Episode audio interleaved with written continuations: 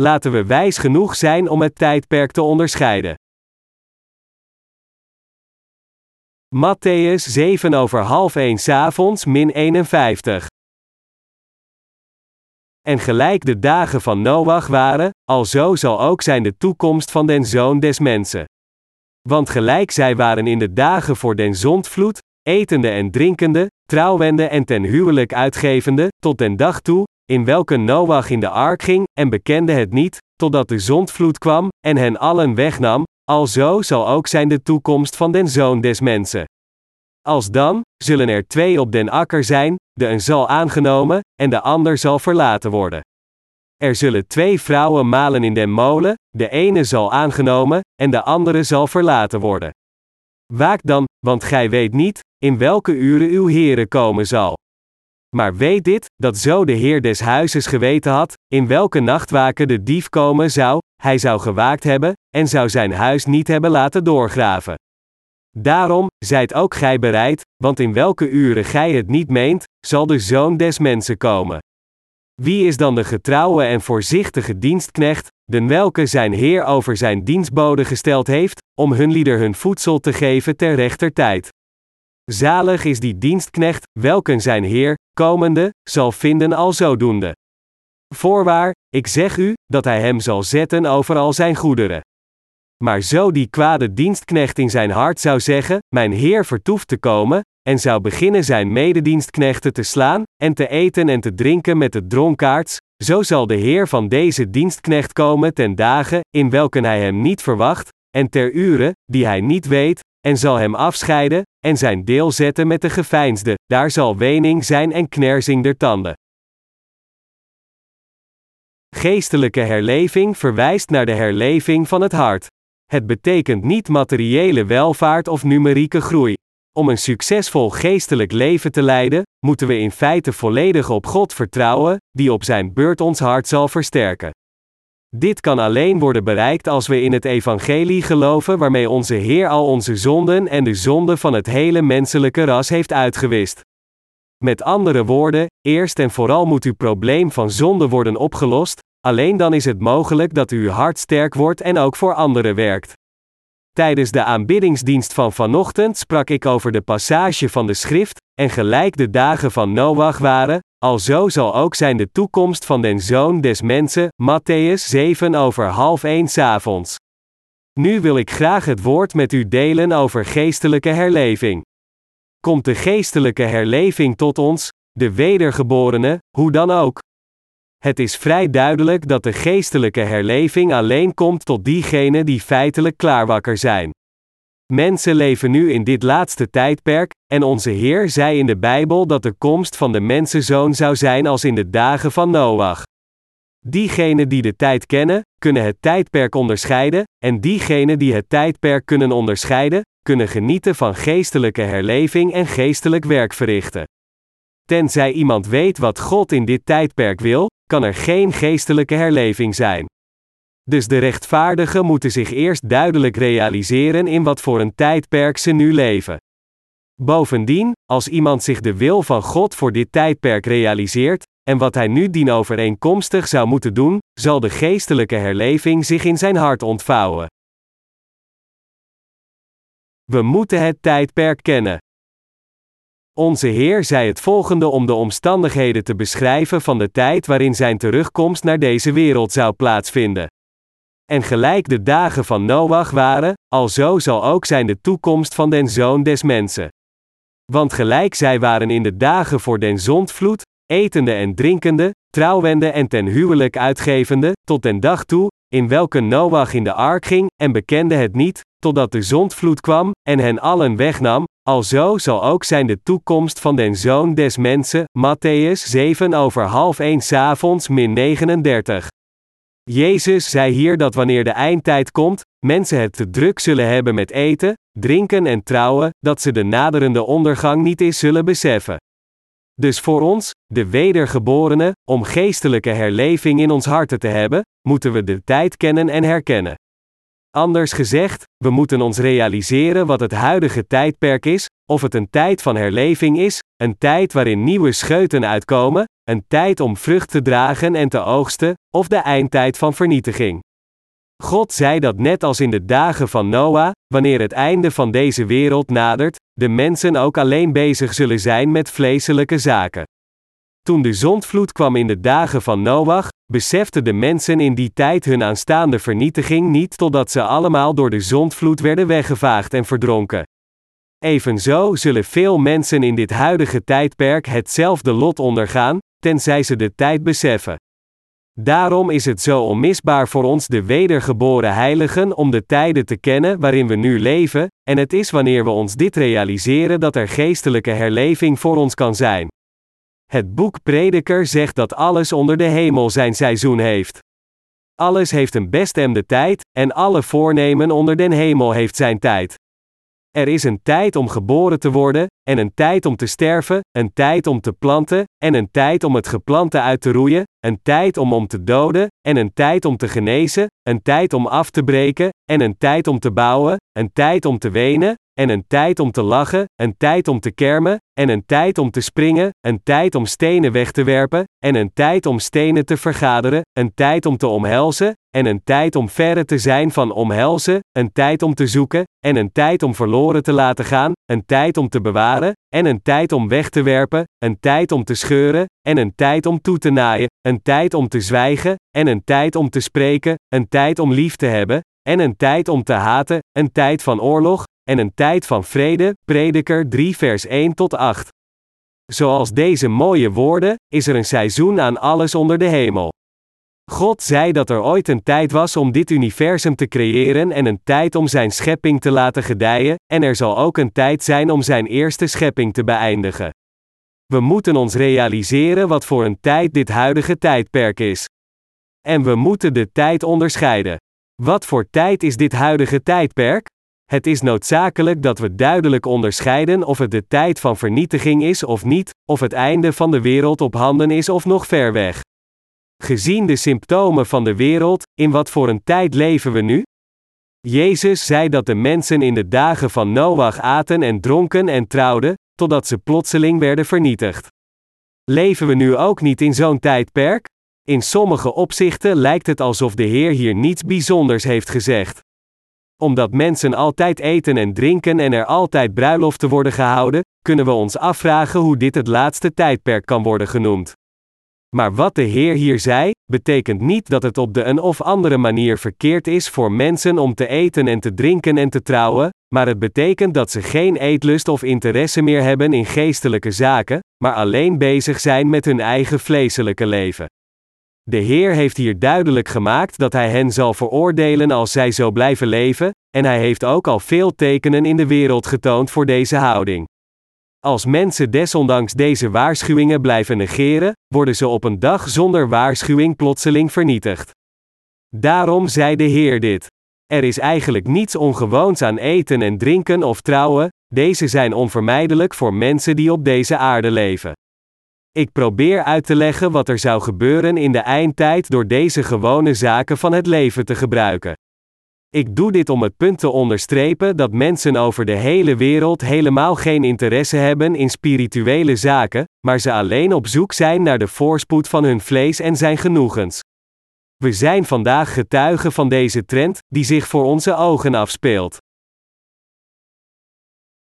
Waar is iedereen in de hele wereld tegenwoordig in geïnteresseerd? Mij is verteld dat reality shows de ether in de Verenigde Staten hebben overgenomen. Er was bijvoorbeeld een show genaamd Temptation Island, die al een tijdje populair was. Het plaatste verschillende koppels die verloofd waren of van plan waren om te gaan trouwen, op een eiland om een paar weken te leven. Deze koppels waren allemaal overtuigd van hun liefde voor hun respectieve partners, maar de wending was dat ze eenmaal op het eiland werden voorgesteld aan singles die hen probeerden weg te lokken van hun partners. Elke beweging werd vervolgens gefilmd en uitgezonden op televisie. Het programma sprak de wellustige verlangens van de kijker aan, die geïntrigeerd waren door de vraag of de geliefden echt trouw aan elkaar zouden blijven of hun partners zouden verraden. Blijkbaar zijn dit soort reality shows een geweldig succes in de Verenigde Staten. De koppels in die specifieke show liepen rond volgens de verschillende schema's en opdrachten die door de producent zijn gemaakt, allemaal ontworpen om hen tot verraad te verleiden. Ik kreeg te horen dat sommige van hen meteen hun hart verloren en in veel gevallen verraden ze hun partners. Geïntrigeerd door dit hele uitgangspunt, genoot een groot publiek van het kijken naar de show, zich afvragend wie trouw zou blijven en wie de verrader zou zijn. Ze werden blootgesteld aan deze overgewaardeerde romantiek, hoe geliefden die hun trouw zweren plotseling kunnen veranderen en hun partners kunnen verraden bij de eerste kans die ze krijgen, en hoe mensen zo zielig en ontrouw zijn.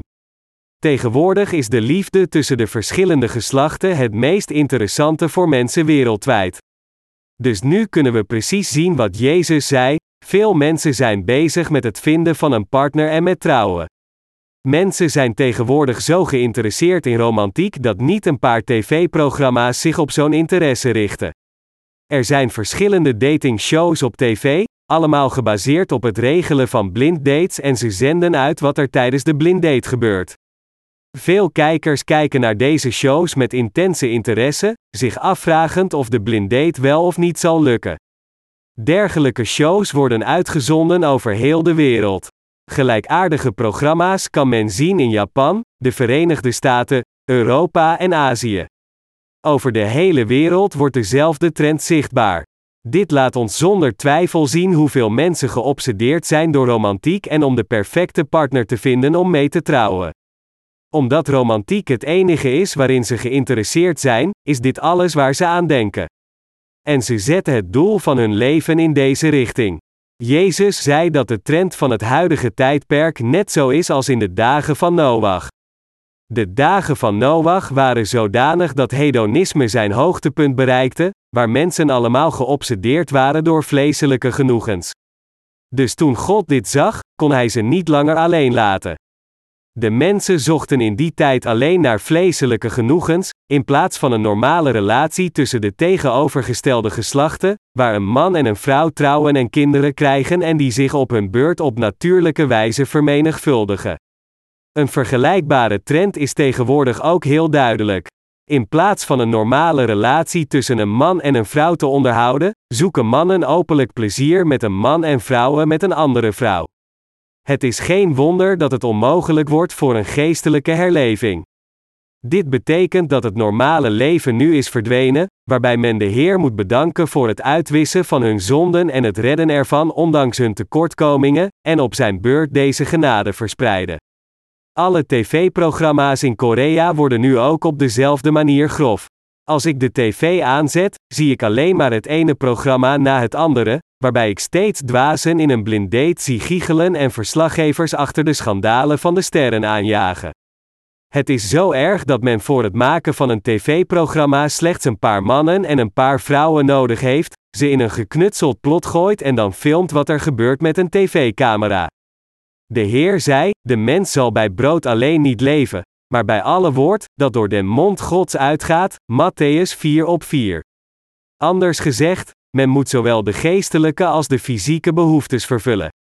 Het probleem is echter dat mensen tegenwoordig scheef en onevenwichtig zijn in één richting alleen. Het is misschien acceptabel als ze het vlees volgen terwijl ze de geest volgen, maar in plaats daarvan hebben ze de geestelijke zaken volledig opzij gezet en alleen maar vleeselijke dingen gezocht. Wat gebeurt er als iedereen in de wereld alleen zijn of haar vleeselijke verlangens volgt? God kan niet anders dan oordeel te vellen over het menselijke ras. Iemand die de tijd kent waarin hij, zij leeft, is een geestelijk persoon. Om eerlijk te zijn, hebben u en ik ook vleeselijke en geestelijke verlangens. Er is niemand die geen vlees heeft, noch is er iemand die geen vleeselijke verlangens heeft. Iedereen ervaart deze verlangens. U en ik geloven echter in de geestelijke zaligheid waardoor de Heer ons van de zonde heeft verlost. Wat gebeurt er als men hierin gelooft? Wanneer iemand hierin gelooft en de tijd kent waarin ze leven, zijn ze zeker gebonden om aan anderen te denken. We geloven niet dat Jezus een levende Boeddha wordt en we proberen ook geen Sarira in ons lichaam te maken. Boeddhisten geloven dat Sarira alleen wordt gevormd wanneer iemand zijn vleeselijke verlangens bedwingt. Ze denken dat als iemand zelfdiscipline en terughoudendheid uitoefent, er vanuit deze zelfdiscipline kristallen in hun lichaam worden gevormd, en deze overblijfselen of rituelen worden sarira genoemd. Dus als beroemde monniken sterven, worden ze gecremeerd. Dit wordt gedaan om te zien of sarira in hun as wordt gevonden, en de verdienste van hun ascese wordt beoordeeld afhankelijk van de hoeveelheid sarira die wordt gevonden. Als een monnik veel sarira produceert, wordt hij geprezen om buitengewone zelfdiscipline te hebben uitgeoefend. Als dit het geval was, kunnen we net zo goed zeggen dat iemand met veel nierstenen ook een man van zelfbeheersing was. Maar nog nierstenen nog sarira kunnen een ware maatstaf zijn voor iemands geestelijkheid. Geestelijke herleving ontvouwt zich nu in de harten van de mensen. Laat me het nog eens zeggen: diegene die weet in welke tijd hij, zij leeft, is een geestelijk persoon. Vertel me, is dit het tijdperk en het tijdstip waarop iedereen alleen zijn of haar eigen vlees volgt? Dit is het tijdperk waarin iedereen geobsedeerd is door romantiek. Maar kunnen we ons volledig distancieren van zo'n tijdperk? Nee, we kunnen ons niet volledig afsnijden van deze wereld, want we leven er allemaal in. Maar tegelijkertijd is er geen twijfel over mogelijk dat de wereld nu vol vuiligheid zit. Als we echt geestelijke mensen zijn, verlangend naar geestelijke herleving en een geestelijk leven willen leiden, dan moeten we ons realiseren. We moeten duidelijk erkennen dat dit huidige tijdperk de tijd van vernietiging is, en dat het oordeel van God op handen is, net zoals het was in de dagen van Noach's zondvloed. We moeten ons ook op dit moment realiseren dat we onze ogen wijd open moeten houden en waakzaam moeten zijn, en dat we het geestelijke brood met beide, de mensen van God en diegenen die Jezus nog steeds niet hebben gevonden, delen. Geestelijke herleving ontvouwt zich alleen in de harten van de mensen die wakker zijn. Alleen de harten van deze mensen zien en ervaren geestelijke herleving, hoewel ze in hetzelfde tijdperk leven als iedereen. Als zodanig moeten we allemaal het verlangen hebben om het evangelie te prediken aan de talloze mensen die het nog steeds niet hebben gehoord, en we moeten deze kans die we nu hebben niet missen, maar er verstandig gebruik van maken. Net zoals de Bijbel zegt, waar de zonde meerder geworden is, daar is de genade veel meer overvloedig geweest. Romeinen 5 vers 20. In dit tijdperk waarin ongerechtigheden overvloedig aanwezig zijn, zijn de wijzen en de geestelijke mensen diegenen die deze kans niet missen, maar het juist gebruiken om het brood van de geest met anderen te delen en hen van de zonde te redden. Bovendien moeten we de geredde mensen laten weten in welke tijd ze leven en hen naar geestelijke voorspoed leiden. Dit is waar geestelijke herleving om draait. De Bijbel zegt waar zonde overvloedig is, de genade ook overvloedig is. De hele wereld is nu gevuld met zonde. Prostitutie is wijdverbreid in veel landen en deze moordenaar aids, vooral in landen ten zuiden van de Sahara, is een grote plaag in deze regio. In sommige van deze landen lijdt meer dan de helft van de bevolking aan aids. Met de liberalisering zijn veel voormalig communistische landen ook snel gedegenereerd tot moreel verval vervuld met zonde. Tegenwoordig willen heel veel mensen niet eens trouwen. Veel vrouwen krijgen liever kinderen zonder te trouwen, want deze vrouwen hoeven alleen maar naar een spermabank te gaan en te betalen voor kunstmatige inseminatie. Een aantal vrouwen hebben zo al kinderen gekregen, omdat ze niet willen trouwen en daardoor hun vreugde vinden in het opvoeden van hun eigen kinderen. Veel theologische studenten in Korea reizen naar de Verenigde Staten om daar te studeren. Ik hoorde een van hen zeggen: Ik ging naar de Verenigde Staten om mijn doctoraat in theologie te halen, maar ik kwam geblinddoekt terug. Deze man gaf zijn studie halverwege op omdat hij het gewoon niet langer kon verdragen om in de Verenigde Staten te blijven. Hij kon de openbare uitingen van genegenheid niet verdragen die overduidelijk een grove seksuele geaardheid hadden en overal hoogtij vierden. Op straat en in de auto, allemaal op klaarlichte dag zonder enige schaamte. Hij had gedacht dat zulke expliciete scènes alleen in films te zien waren, maar hij zag ze wijd verspreid overal waar hij ging. Ontzet over wat hij zag, vond hij dat hij zichzelf moest blinddoeken of het land moest verlaten. Hij was er zeker van dat als hij daar zou blijven om zijn doctoraat te behalen, hij zelf volledig besmet zou worden. Dus koos hij ervoor om terug te keren naar Korea zonder zijn studies af te maken. Genade is echter overvloedig waar zonde overvloedig is. Als ongerechtigheden zo overvloedig zijn, betekent dit dat de kracht van het evangelie ook grotere wonderen kan verrichten.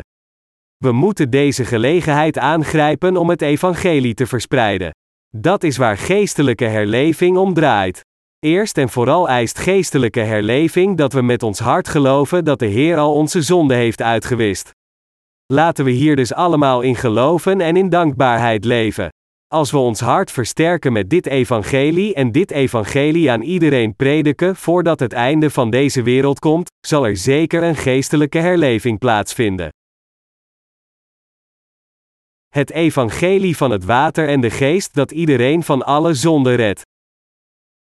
Prediken we niet over de hele wereld het evangelie via onze evangelische winkel die wij geopend hebben?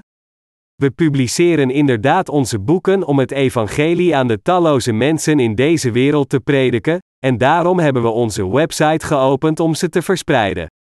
Door dit middel verspreiden we nu het evangelie, en dit evangelie van het water en de geest is wat deze mensen redt. Met andere woorden, hoe overvloedig de zonde ook is, het evangelie van het water en de geest maakt het meer dan mogelijk voor iedereen om de vergeving van zonde te ontvangen en gered te worden. Anders dan het evangelie van het water en de geest, is er geen enkele manier om gered te worden van deze wereld die gevuld is met zoveel zonde. Zonder dit evangelie kan niemand de vergeving van zonden ontvangen. Zonder dit evangelie kunnen we niet anders dan meegesleept worden in deze zondige wereld. Traditionele waarden, ethiek en moraal verdwijnen uit de wereld, terwijl ongerechtigheden in overvloed zijn als nooit tevoren. De wereld streeft momenteel alleen naar materiële welvaart en vleeselijke genoegens, en dit gaat onverminderd door, en niemand kan ontsnappen aan deze niet te stoppen tij. Iedereen wordt meegesleept in dit getij en probeert zijn of haar eigen lusten te bevredigen, direct of indirect. Maar wij hebben echter het evangelie van waarheid dat mensen van al deze zonden kan redden. Toen onze Heer naar deze aarde kwam, werd Hij gedoopt en nam al onze zonden op zich en door veroordeeld te worden aan het kruis om onze zonde te verzoenen, door deze rechtvaardige daad redde Hij ons van de veroordeling van al onze zonden. Onze Heer heeft u en mij zondeloos gemaakt, en Hij heeft iedereen over de hele wereld gered. Nu, wie in dit evangelie gelooft, zal zeker worden gered. Ongeacht in wat voor soort zonde mensen gevangen zitten, dit evangelie van het water en de geest is meer dan in staat om hen van hun zonde te redden. U en ik moeten al deze dingen herkennen. We moeten onze zonden erkennen, het heersende huidige kwaad in dit tijdperk erkennen, toegeven dat dit huidige tijdperk de tijd van vernietiging is, en ook toegeven dat iedereen het vlees volgt sinds de ongerechtigheden in overvloed in de wereld aanwezig zijn. We moeten toegeven dat de meeste mensen die vandaag leven, zo zijn. U en ik zijn niet anders. En we moeten dit kostbare evangelie van het water en de geest herkennen. Ten slotte moeten we erkennen dat in deze eindtijd waarin we nu leven, net is zoals in de dagen van Noach, daarom moeten we dit evangelie vurig prediken. U en ik moeten dit tijdperk begrijpen en erkennen. We moeten toegeven dat dit de tijd of het tijdperk is waarin deze wereld zal worden vernietigd. Toen de wereld voor de eerste keer werd vernietigd, was deze in dezelfde staat als nu. Ik weet dat sommige mensen hiertegen zouden argumenteren en zeggen: mensen zeiden eerder zullen dingen, maar de Heer is nog niet gekomen. De beroemde Dami-missie zei dit, net als de Adventisten en Nostradamus, ze voorspelden allemaal het einde van de wereld, maar hadden ze niet allemaal ongelijk? Mijn medegelovige, een geestelijk persoon is iemand die de juiste tijd kent. Diegenen die geestelijk nieuw leven worden ingeblazen, en diegenen die naar deze geestelijke herleving in hun harten verlangen, weten wat voor een tijdperk deze tijd is en werken getrouw. Als we wisten op welk uur de Heer zou komen, zouden we ons kunnen voorbereiden. Jezus zei: Als de Heer des huizes had geweten in welk uur de dief zou komen, zou hij hebben gewaakt en niet hebben toegestaan dat er in zijn huis werd ingebroken. Een geestelijk persoon is zo'n persoon. Een geestelijk persoon weet op voorhand wanneer de dief zal komen, en hij is er klaar voor. Iemand die wakker is, is een geestelijk persoon. Hij bereidt alles voor om klaar te zijn. Niemand anders dan dit is een geestelijk persoon, en het zijn deze mensen die de geestelijke herleving opwekken. Sommige huizen zijn zo kwetsbaar dat het lijkt alsof een dief op elk moment kan inbreken. Sommige mensen zijn zo ontspannen en verwaarlozen hun huizen, en zijn daardoor een gemakkelijk doelwit voor dieven. Als u in uw buurt rondkijkt, kunt u zien of het een veilige buurt is of niet. Wanneer u op zoek bent naar een huis om te kopen, kunt u eenvoudig uitzoeken of het huis dat u overweegt een bewoonbare plek is of niet. Zonder zelfs het huis binnen te gaan, kunt u meestal een kwetsbaar huis herkennen wanneer u erin ziet en beseffen dat u een aantal beschermende maatregelen moet nemen voordat u er gaat wonen, en dat zonder deze maatregelen u uzelf gewoon zou openstellen voor dieven om in te breken. Sommige mensen nemen echter niet de nodige stappen, zelfs als ze zich dit realiseren, en hebben dan grote spijt nadat hun huizen zijn ingebroken en een groot verlies leden. Een geestelijk persoon die wakker is bereidt zich voor. Als u wist hoe laat de dief zou komen, zou u dan niet oppassen en waakzaam zijn. Natuurlijk zou u dat. Geestelijk gesproken is het hetzelfde, diegenen die zo klaar zijn, zijn wijs. Zij zijn de waakzame mensen. En zij zijn diegenen die geestelijke ogen en herleving in hun harten hebben. De Heer zei dat hij als een dief in de nacht zou komen. Geeft een dief u een telefoontje voordat hij bij u thuis inbreekt? Nee, natuurlijk niet. U weet nooit wanneer de dief zal komen, of hij overdag komt, bij dageraad, in de schemering, om middernacht, of terwijl u geniet van uw maaltijd met uw gezin. Niemand weet wanneer de dief zal komen. De waakzame personen zijn zich er echter volledig van bewust dat de dief zal komen en nemen de nodige voorzorgsmaatregelen, ongeacht hoe laat de dief daadwerkelijk komt. Ze installeren bijvoorbeeld hoogwaardige inbraakwerende en beveiligingssystemen om voor inbraken te waarschuwen, en ze hebben zelfs een gewapend response team verbonden met hun huizen.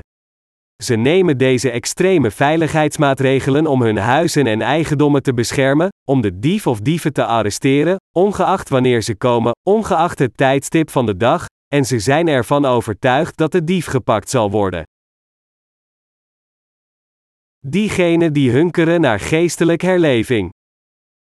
Net zoals dit voorbeeld, als we wisten wanneer onze Heer zou komen, dan zouden we het evangelie ijverig verspreiden en hard werken om ervoor te zorgen dat iedereen die gered moet worden inderdaad de vergeving van zonde zou ontvangen. En dan zouden we wachten op de Heer. Als we al onze energie wijden aan het uitvoeren van onze toevertrouwde taak om het evangelie tot het einde van deze aarde te verspreiden, dan zal de Heer naar ons terugkeren. Geestelijke mensen zijn maar al te blij om de Heer te ontvangen.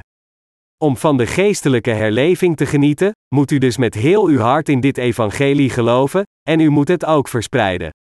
U moet het evangelie prediken en zich realiseren en welk tijdperk u nu leeft, en mag het belang van deze tijd niet missen.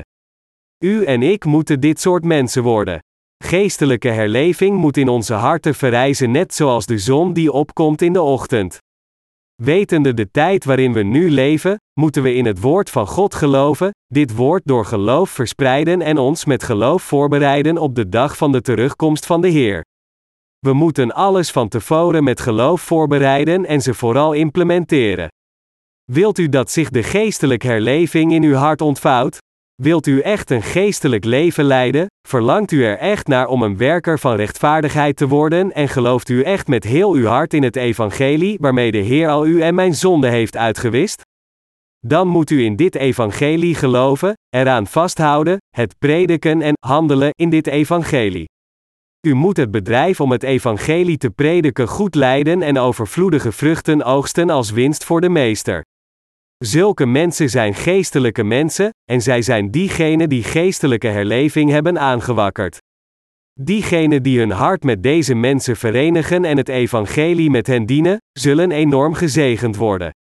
Als u echter niet weet in welke tijd u nu leeft, dan kunt u alleen maar een nutteloze dienaar zijn, ongeacht dat u gered bent, hoe groot uw geloof ook is en hoe u geprobeerd hebt geen zonde te plegen. Er kan bijvoorbeeld een tijd zijn om een bedrijf te runnen, maar dit is afhankelijk van of het nu geen goed moment is om een bepaald type bedrijf te runnen of niet, dit zou uiteindelijk uw succes bepalen. Een recente koude periode in Seoul zorgde ervoor dat de waterleidingen in de huizen sprongen, en ik hoorde dat daardoor de afhaalmaaltijden voor een tijdje zeer goed verkochten. Omdat de waterleidingen waren gesprongen en de hoofdtoevoer van de stad was afgesloten, konden de mensen geen eten voor zichzelf bereiden en kochten ze in plaats daarvan afhaalmaaltijden. Dus een aantal restaurants die afhaalmaaltijden aanboden verdienden goed geld. Mijn medegelovigen, u moet weten wanneer het de juiste tijd is. Als u een afhaalrestaurant heeft, en uw bedrijf doet nu goede zaken, dan moet u meer voedsel bereiden om aan de groeiende vraag te voldoen, dit is zakelijk gezien logisch. Alleen dan kunt u uw kans grijpen en enorme winsten maken nu het nog kan. We verspreiden nu het evangelie door onze boeken over de hele wereld te versturen. Ik kreeg onlangs een telefoontje van pastor Kim, die verantwoordelijk is voor onze literaire dienst in de Verenigde Staten, om me te informeren dat de verzendkosten naar dit land zijn omhoog geschoten. De verzendkosten waren zo gestegen dat zelfs de medewerker bij de post verbaasd was. De inflatie in de Verenigde Staten begint nu aanzienlijk te stijgen en deze wereldleidende economie lijkt nu in ernstige problemen te verkeren. Diegenen die de tijden kennen waarin ze leven zijn wijs, en het zijn deze mensen die gezegend zijn. Als u en ik echt ernaar verlangen dat de geestelijke herleving zich in onze harten ontvouwen, dan moeten we ons beseffen in welk tijdperk we nu leven, het herkennen, erin geloven en het evangelie prediken. Wat mijzelf betreft, ik weet heel goed wat deze huidige tijd is. U weet waarschijnlijk ook wel wat voor een tijdperk dit tijdperk is. Er is dus nog meer reden waarom wij, die nu in dit tijdperk leven, zich nooit tot de dingen van het vlees moeten wenden. Maar ik zeg hier niet dat u moet proberen volkomen vroom te zijn zoals de Fariseërs en 100% perfect. Ik geloof niet dat wij zo moeten leven, met deze gezichtsmaskers, zoals deze valse religieuze voorlopers. Ook al zijn u en ik net als alle anderen die in deze huidige tijd leven, wat ons onderscheidt van de vleeselijke en wereldse mensen is dat we echt gered zijn. Het feit dat wij het evangelie van het water en de geest hebben en we dit evangelie prediken, is wat ons onderscheidt van de vleeselijke mensen die niet wedergeboren zijn.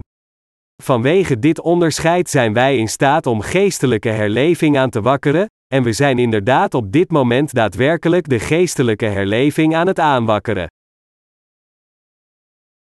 Laten we in het evangelie geloven, het in ons hart vasthouden en de zaken van het evangelie trouw leiden. Wij prediken nu het evangelie van het water en de geest. We verspreiden e-boeken via onze website en boeken aan diegenen die ze aanvragen via mail.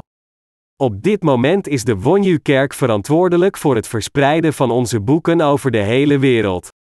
Minimaal worden er op een bepaalde dag enkele honderd exemplaren verzonden en soms worden duizenden, zelfs tienduizenden exemplaren tegelijk naar onze partners gestuurd, die ermee hebben ingestemd ze namens ons te verspreiden. Onlangs hebben we geld naar een partner in India gestuurd om 8000 exemplaren van onze boeken in Tamil te publiceren. Wanneer een Indiër onze website bezoekt en onze Tamil-versie aanvraagt, zullen we zijn verzendinformatie doorgeven aan onze partner in India en deze partner zal dan onze boeken naar dat adres verzenden. Hij bood ook aan om in zijn tijdschrift reclame te maken voor de eerste twee titels van onze Engelse boeken. India heeft veel Hindoes die koeien aanbidden en zichzelf in de rivier de Ganges wassen. De bevolking van India is bijna 1 miljard, het is een enorme geestelijk markt vol met ontelbare verloren zielen. Hoewel we alle steun moeten bieden die mogelijk is om het evangelie aan India te prediken, geloof ik dat een investering van 100.000 dollar dollar voldoende zou zijn om het evangelie in aanzienlijke mate te verspreiden. Ik ben ervan overtuigd dat als 100.000 dollar dollar in India wordt geïnvesteerd, we het evangelie moeten kunnen prediken aan de meeste mensen die in stedelijke gebieden wonen, hoewel niet in het hele land. India heeft verschillende hoofdtalen. We hebben besloten onze boeken in de huidige hoofdtalen te vertalen die in India momenteel gebruikt worden en hen te publiceren zodat ze overal verspreid kunnen worden. Ik weet zeker dat als we deze investering hebben gedaan, het evangelie in aanzienlijke mate in India zal worden verspreid. Het evangelie wordt niet alleen in India verspreid, maar ook in andere landen. Tot nu toe zijn onze boeken in tientallen talen en in tientallen landen vertaald, maar het is een stuk eenvoudiger en effectiever geworden om het evangelie via het internet te verspreiden.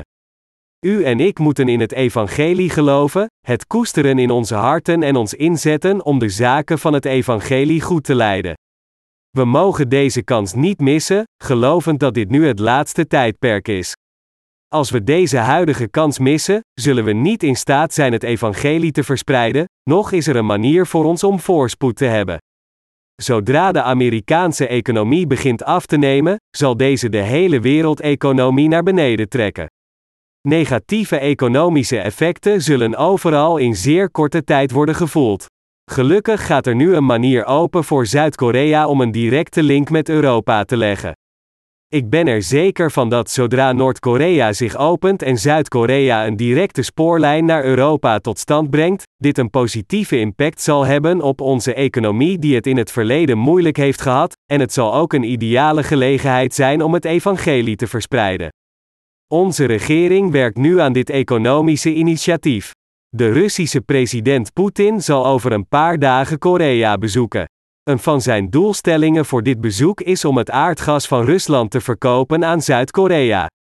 Er zit zoveel aardgas in de grond van Rusland dat de mensen dit nooit allemaal kunnen gebruiken. Dus het idee van president Poetin is om vloeibaar aardgas te verkopen aan Zuid-Korea, het zij door een spoorweg aan te sluiten, het zij door een pijpleiding aan te leggen door Noord-Korea.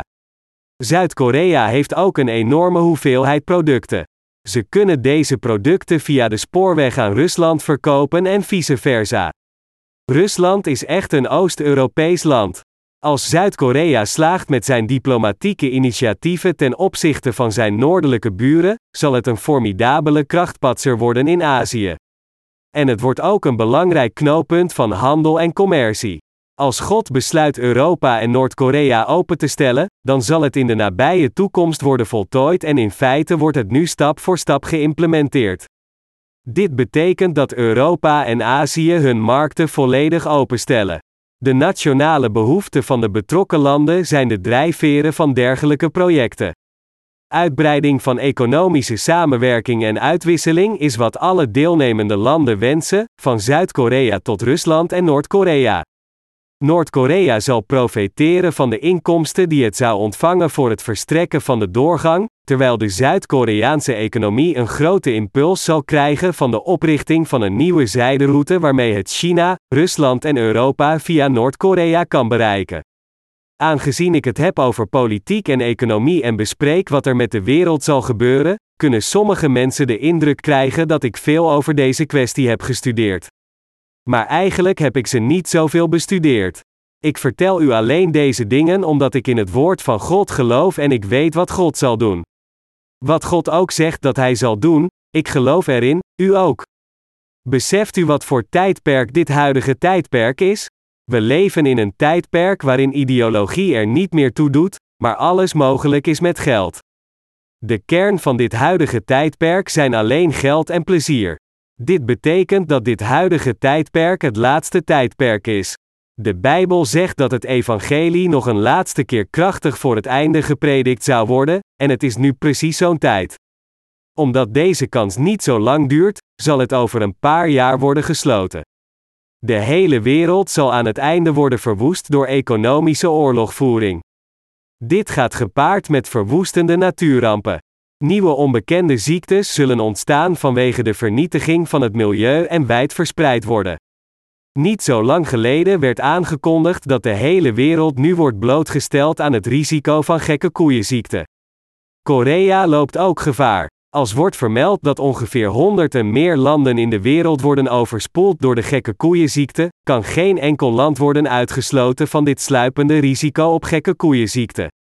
Als gevolg hiervan kunnen veel mensen over de hele wereld op elk moment sterven.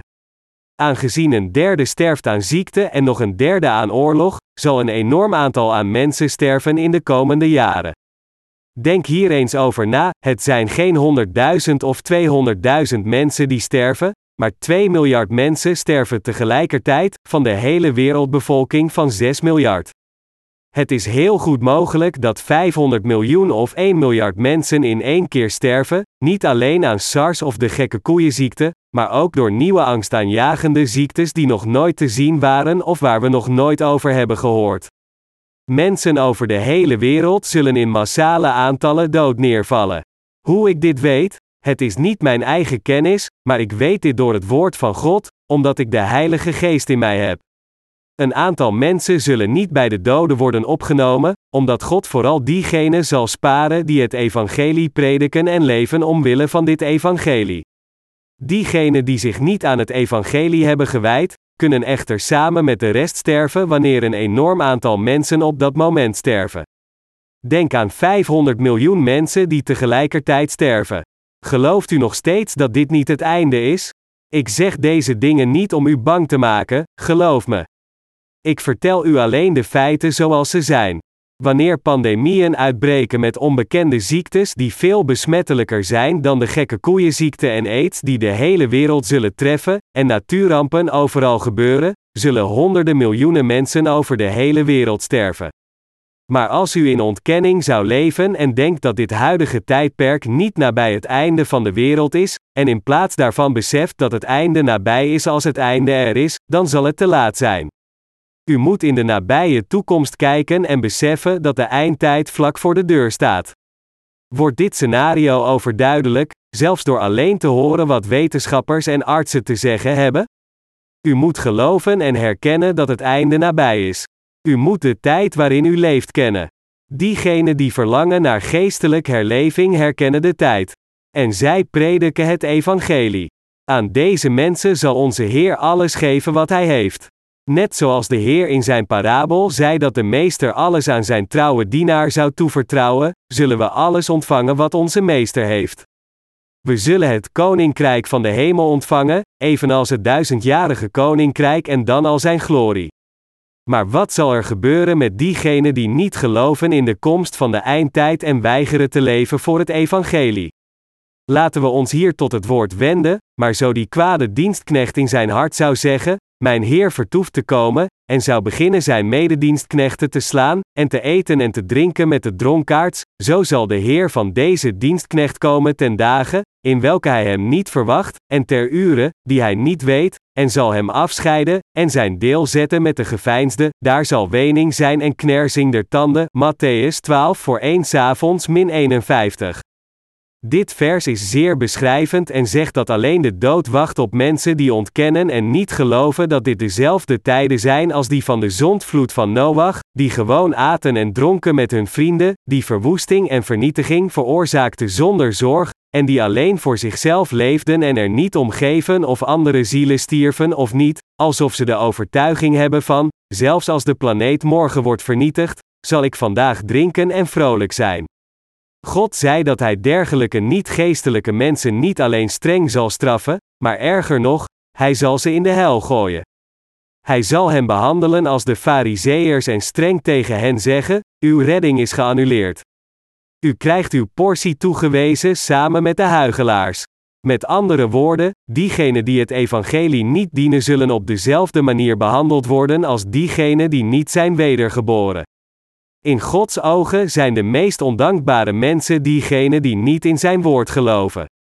Iedereen die niet gelooft in het woord van God nadat hij, zij is wedergeboren, is ondankbaar. Als de koning zijn officiers toespreekt, moeten ze allemaal aandachtig luisteren. Als zij in plaats daarvan de koning negeren en niet in zijn woord geloven, dan vragen ze eenvoudig dat zijn woede over hem wordt uitgestort. De Bijbel zegt dat deze mensen zullen huilen en hun tanden zullen knarsen, die minachting tonen. Ik zeg niet dat dit u zal overkomen. U en ik hebben al de vergeving van zonden ontvangen. Wat ik zeg is dat we de tijden waarin we leven moeten kennen en herkennen, en we moeten de geestelijke herleving aanwakkeren.